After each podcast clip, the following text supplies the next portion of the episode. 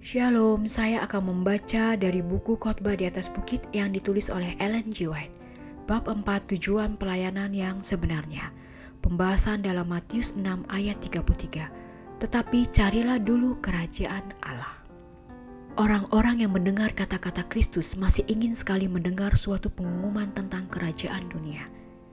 Sementara Yesus membukakan kepada mereka harta surga, pertanyaan yang paling penting di dalam banyak pikiran ialah, bagaimanakah hubungan dengan Dia akan meningkatkan prospek kita di dunia.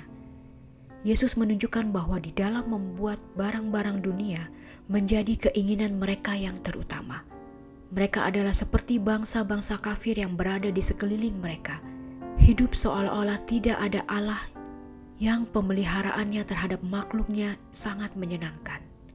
Semua itu, kata Yesus, dicari bangsa-bangsa di dunia akan tetapi Bapamu tahu bahwa kamu memang memerlukan semuanya itu.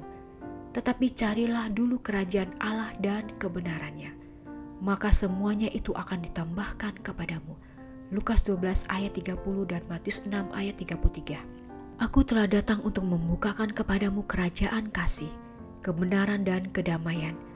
Bukalah hatimu untuk menerima kerajaan ini dan buatlah pelayanannya menjadi perhatianmu yang tertinggi Walaupun itu adalah suatu kerajaan rohani, jangan takut bahwa keperluanmu untuk kehidupan ini tidak akan diperhatikan. Jika engkau serahkan dirimu kepada pelayanan Allah, Dia yang mempunyai kuasa di surga dan dunia akan melengkapi keperluanmu.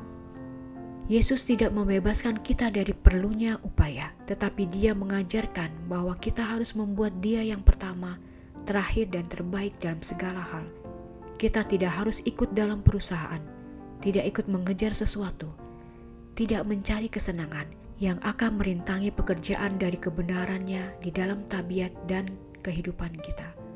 Apa saja yang kita kerjakan harus dilakukan dengan sungguh-sungguh, seperti kepada Tuhan. Sewaktu Yesus tinggal di dunia, Dia menghargai kehidupan dalam segala seluk-beluknya dengan menunjukkan kemuliaan Allah di hadapan manusia dan dengan menaklukkan segala sesuatu kepada kehendak Bapaknya. Jika kita ikut teladannya, jaminannya kepada kita ialah bahwa segala sesuatu yang diperlukan dalam kehidupan ini akan ditambahkan. Kemiskinan atau kekayaan, kesakitan atau kesehatan, kesederhanaan atau akal budi, semuanya dilengkapi dalam janji kasih karunia-Nya. Lengan abadi Allah merangkul orang yang datang minta pertolongan kepadanya betapapun lemahnya jiwa itu. Benda-benda berharga dari bukit-bukit akan binasa, tetapi jiwa yang hidup untuk Allah akan tinggal selamanya. Dan dunia ini sedang lenyap dengan keinginannya, tetapi orang yang melakukan kehendak Allah tetap hidup selama-lamanya. 1 Yohanes 2 ayat 17 Kota Allah akan membuka gerbang-gerbang emasnya untuk menerima orang yang belajar bersandar kepada Allah sewaktu di dunia meminta bimbingan dan kearifan, penghiburan dan pengharapan di tengah-tengah kerugian dan penderitaan. Nyanyian-nyanyian malaikat akan menyambutnya di sana, dan untuk dia pohon kehidupan akan menghasilkan buahnya. Sebab biarpun gunung-gunung beranjak dan bukit-bukit bergoyang, tetapi kasih setiaku tidak akan beranjak daripadamu, dan perjanjian damaiku tidak akan bergoyang.